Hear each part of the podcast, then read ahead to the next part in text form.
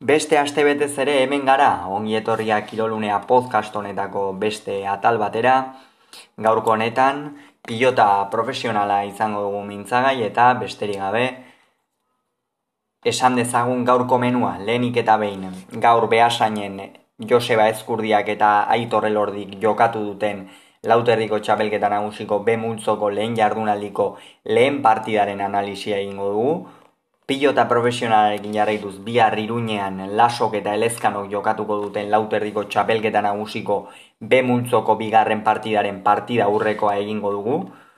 Eta pilota profesionalarekin amaitzeko bihar iruñean egigurenek eta salaberriak jokatuko duten lauterdiko promozio txapelketako A multzoko bigarren jardunaliko lehen partidaren partida aurrekoa egingo dugu. Eta amaitzeko futbolaren inguruan ere izango dugu, kasu honetan bihar Santander Ligan jokatuko diren partiden analisiak eta pronostikoak egingo ditugu. Beraz, besterik gabe, az gaitezen. Pilotarekin hasiko gara, baina hasi aurretik jakin itzazue bi albiste lehenik eta behin Andoni Aretxabal eta lengoan jakin arazi zuen pilota profesionala utzi egingo duela eta operatu egin dute edo ebakuntza egin diote ezker eskuko laugarren behatzean. Dirudien ez dena ongi joan da eta zalantzari gabe animoak emendikan ere andoni aretsabaletari. Eta bestalde, oinatz bengoetxeak gogoratuko dugu pasaden otsailean jokatu zuela profesionaletan bere azkenengo partida, orduzkeroztik hainbat frontoietan eta hainbat herritan jarraitu du pilotaz gozatzen jokatzen eta jendea gozarazten, baina hilabete horien ostean bere ametsa hogei urtez profe, e, pilotan aritzea omentzen lortu du eta gaur jantziko ditu, barkatu, hogei esan da bihar jantziko ditu leitzako bere herrian, bere herriko plazan, azken aldiz galtza zuriak. Hauek esan da, guazen orain, partiden analisiak egitera, lauterdiko txapelketa gogoratuko dugu pasaden astean eh, hasi zela, bertan. Jaka peña, elordi eta dario sailkatu ziren ligaiskarako, eta orain, barkatu, elordi, peña, dario, eta Elordi Peña Dario eta Elezkano bigarrena sailkatu ziren hori da, barkatu, e, neun astu naiz. Eta Elezkano bigarrena sartu ziren ligaskarako eta gaur jokatu du hain zuzen ere Aitor Elordik behasainen bere bigarren partida kasu honetan txapelketan ezkurdiaren aurka, baina aurretik jakin ezazue bigarren partidan irribarriak eta martijak hogeita bi eta hogei irabazi dela peio etxeberria eta rezustari, eta alberdi eta zabalaren arteko norgeiagoka, bertan behera gelditu dela zabalak eskua xeatu omen zuen lengoan eh, atarrabian bakaikoaren aurka jokatutako partida horretan, eta beraz partida bertan behera utzi du, eta badirudi alberdik ere arazoitxoren bat edo beste baduela, baina kontua kontu alberdiri eman diote. Hogeita bi eta huts garaipena eta beraz partida hori ez da jogatu gaurko egunez behasaingo antzitzar pilotalekuan. Esan bezala, orain bai, guazen lehen partida horren eh, analisia egitera, gogoratuko dugu ligaska lengoan hasi zela hispanitate egunez sorian la juventud pilotalekuan bertan Peio Etxeberriako geita bi eta amazazpi irabazizion dari hori amultzoko partida horretan eta gaur B multzoko lehen partida izan da ligaiskako lehen partida. Bertan ezkurdia eta elordi aritu dira nor baino nor gehiago, ezkurdia gaur estreinatzen zen, txapelketan, gainera lauterdian sentsazio oso onak ustetik zetorren, San Fermin torneoan garaie izan zen lauterdian, aitorre lordik berriz lengoan jakaren aurka oso oso hau zapore ona utzi zuen, gaur ezkurdiaren aurka jokatzea eta jada ligaiskan bigarren urtez jarraian sartzea beretzako ere sari handia dela, iruditzen zain, eta ederki baliatu du izan ere, hogeita bi eta amazazpi irabazi dio Joseba Eskurdiari apustuak noski. Joseba Eskurdiaren alde zeuden, baina Aitor Elordik katedra erabat zapuztuta utzi du gaurko egunez behasaingo antzizar pilotalekuan eta honen bestez lehen puntua erdietxi du. Eskurdia, ba beno, bagenekien. Eskurdiak, sakerikan egin zezakela min handia eta ostean piloteoan nagusitzen bazen ez etzuela arazo handirikan izango partida aurrera ateratzeko. Partida oso gora beheratsua joan da, hasiera batean aitorre lordi oso ongi hasi da, lehenengo bitantoa gainera berak egin ditu, baina ostean eskurdiak da bere pilota atera duenean hor takada txiki bat egin du eta erabat neurria hartu dio aitor elordiri. Gogoratuko dugu aurrekaririk gabeko partida zela, beraz inoiz ez ziren jardunez buruz buru kantxa osoan ez da lauto erdian ere elkarren aurka eskurdia eta elordi, eta orain burura datorki da labintzat binakako partidarik ere bi hauen artean ez dut gogoratzen. Pasaden urtean, Aitor elordik ataka estuan jarri zuen jokin altuna lehen da biziko jardunaldi horretan, azkenerako bigarren jardunaldian jada. Kanpoan geratu zen oinaz bengoetxearen aurka galdu ostean, baina ataka estuan jarri zuen jokin altuna lehen partida horretan, orain begiratuko dugu, baina oker ezpaldi manago, hemen ikusiko dugu, hogeita bi eta amazazpi irabazizion jokin altunak egun hartan aitor elordiri, baina, kasu honetan, irabazi egin dio Joseba Eskurdiari aitor elordik eta zalantzari gabe bere profesional ibilbiderako lorpen ikeragarria izan da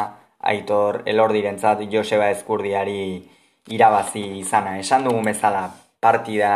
Eskurdiaren alde hasi zen, baina horren ostean aitor elordi asko sakatzen hasi zen, Eskurdiari kostatu egiten zitzaion errestatzea eta bigarren pilota oso ongi uzten zion. Horrez gain aitor elordi etzen bat ere kikildu eta bazekien bere bere jokamoldea zeinek izan behar zuen, ez da azkenean une oro erasora joatea, bestela bazekien piloteoan eskurdia nabarmen nagusi dugo zitzaiola. Batzuetan atera zitzaion beste batzuetan ez, eta hor egon ziteken arriskua izan ere, hainbeste arriskatze horren ondorioz edo, pilota batzuk ere galdu zituen, elordik. Eta horrek apur bat, babeno inkognita hori edo zalantza horiek sortu zizkion, Hala eta guztiz ere, lehen da bizikoeten aldira Joseba Eskurdia iritsi zen aurretik, baina hortikan aurrera, hortikan aurrera, amabi eta bederatzi iritsi zen, bada amairu eta bosteko partzialarekin amaitu zuen aitor elordik eta erabat pronostikoak hautsi zituen. Bagenekien, elordik zerbait egin zezakela gaurko egunez ezkurdiaren aurka, kontutan hartuta lengoan jakaren aurka ere asko jogatu zuela, baina benetan maila harrigarrian aritu da, noski Joseba ezkurdiari irabazteko hori egin behar du, ez da une batez ere urduri jarri eta eh, hor ezkurdiaren aurka ari zelako apur zalantzak sartu, alderantziz, erasokor jarraitu du, bere ideian fidel jarraitu du, eta azkenerako azken zatian erabat arrastaka ibili du Joseba Ezkurdia, saketik anasita asko sakatu du, horrek bigarren pilotaka da ona ekartzen zion, eta biparetekin, bolearekin eta ezkergantxoekin, balentria handiko garaipena lortu du aitor elordik. Honen bestez, elordik lehen biziko puntua erdi du, eta Joseba Ezkurdia urrengo partidan esnatu beharko du, bada, gaur, asteburuko, lehen ez ustekoa izan dugulako. Eta honen ostean bihar jokatuko da Bemultzoko bigarren partida, kasu honetan Unai Laso eta Danel Elezkano izango dira nor baino nor gehiago, baina aurretikan jakin ezazue lehen da biziko partidan hartolak eta morga etxe barriak agirre eta eskirozen aurka jokatuko dutela, iruñeko laurriteko lehen da biziko partida hori, eta zer esan laso eta elezkanoren inguruan, ba, txapeldun ordea bihar sartuko dela leian, ez du gainera aurkari erraza izango, hartolaren aurka partida ona jokatzetik datorren Daniel Elezkano izango du aurkari, behin bakarrik izan dira nor baino nor gehiago buruz buru eta ez lauterdian, kantxa osoan baizik, eta kasu horretan, Unai laso izan zen garaie, baina estu, estu hartu zuen Daniel Elezkanok, hogeita bi eta amazazpi hain zuzen ere, irabazizion lasok egun hartan Elezkan hori, ez dakit zehatz mehatz zein urtetan izan zen partida hori, ze pasaren urtean bintzat etzen izan, duela bi ere ez, duela hiru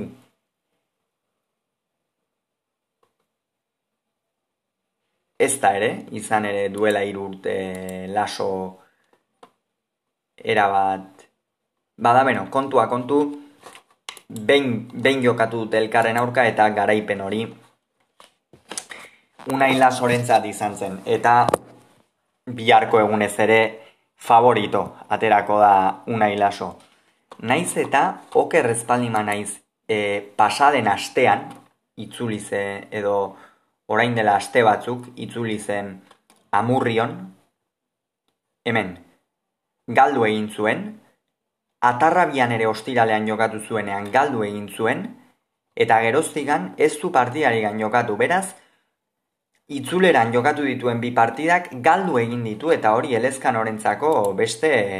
motivazio gehigarri bat izan daiteke biharko egunez. Hala eta guztiz ere lasoren alde aterako dira apustuak ziur,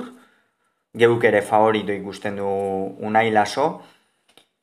eta Daniel Elezkanoren aukerak nondikan pasa daitezke, ba beno, lengoan hartolaren aurka sakatu eta abiadura horretan ibiltzen bali madu pilota, erne, erne Danielekin. Beti oso pilotari arriskutsua da, egia da, behar da kantxa osoan lauterdia baino gehiago nabarmen duela urte hauetan zehar, kantxa osoan finalerdi batzuetara iritsi baita, iritsi baita, baina hala eta guztiz ere irudipena daukat oraindik ere unai laso koska gainetik handagoela eta gaur zaia ikusten dut, ez ezinezko erne, ez ezinezko, baina zaia ikusten dut, asteburuko bigarren ez ustekoa izatea eta katedrak bigarren aldiz utxe egitea. Kontua kontu, Daniel Elezkano esan dugu bezala beti hor dagoen pilotari bada, eta saketikan sakeak baztertzen baldin badizkio. Eta bigarren pilota ona iristen bazaio, eta botera joka arazten badio unai lasok, Daniel Elezkanok botera minik eragarria egin dezake ez du behar bada beste batzuk duten eskuina, baina eskuin bolea ikeragarria du. Eta badaki erasora joan beharko duela, bestela unai laso piloteoan gehiago dela, eta unai laso aldiz alderantziz, unai laso bai, erasora joan beharko du bere jokoa hori delako, eta ezin zaiolako esan ez adi erasora joan, baina unai lasok ere beste pausa bat edo ipini behar dio partidari. Ez dut uste elezkanoren aurka elektriko jokatze horrek e, nola esan mesede egin diezaiokenik, agian bai, agian bai, baina mm, hor iruditzen zait unai lasok e, patxada jokatu behar duela, pilotara lasai jarri eta eta horrekin asko edukiko du irabazita ezta. Hala eta guztiz ere badakigu nahi lasok joko oso erasokorra egingo duela, berak ere badakielako danelek izan litzakeen arriskuak eta daneli pilota bat entregatu ezkero zenbat min egin dezaken, baina kontua kontu hori xe, lezkanok ongi sakatu beharko du oso ongi, eta horren ostean asmatu ere, asko asmatu beharko du bestela, ezer gutxi hauka egiteko gaurkoan, bizkar eta geren aurka. Ikusiko dugu zer gertatzen den, bihar iruneko labriten, baina benetan partida polita izango denaren susmoa daukat. Eta pilotarekin amaitzeko, ba beno,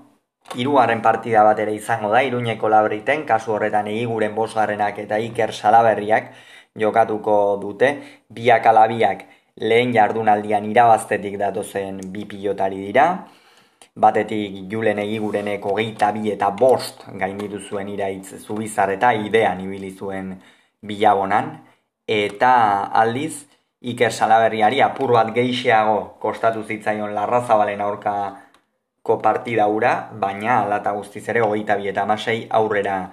atera zuen. Egiguren, egiguren aterako da favorito, izan ere asko demostratu lauterdian. Begira, julen egigurenen lauterdiko estatistikak. Okerrezpa naiz, 2000 eta emeretzian egin zuen debuta. Beno, bada orduan, erne zaldago, erne bai hemen, orduan, el ordiri, hogeita bi eta bederatzi irabazizion lehen partida tolosan. Ostean, agirreren aurka galdu egin zuen, bere herrian azpeitian, baina ostean, jada konsagratua, profesionaletan konsagratua zegoen, asier arteagari hogeita bi eta amasei irabazizion. Eta, hogeita bi eta amabi galdu zuen, Peña bigarrenaren aurka finalerdian, baina alata guztiz ere hasieran gerra eman zion. Gerra eman zion Peña bigarrenari eta benetan sekulako txapelketa egin zuen beldurgarria. Bi mila eta hogeian.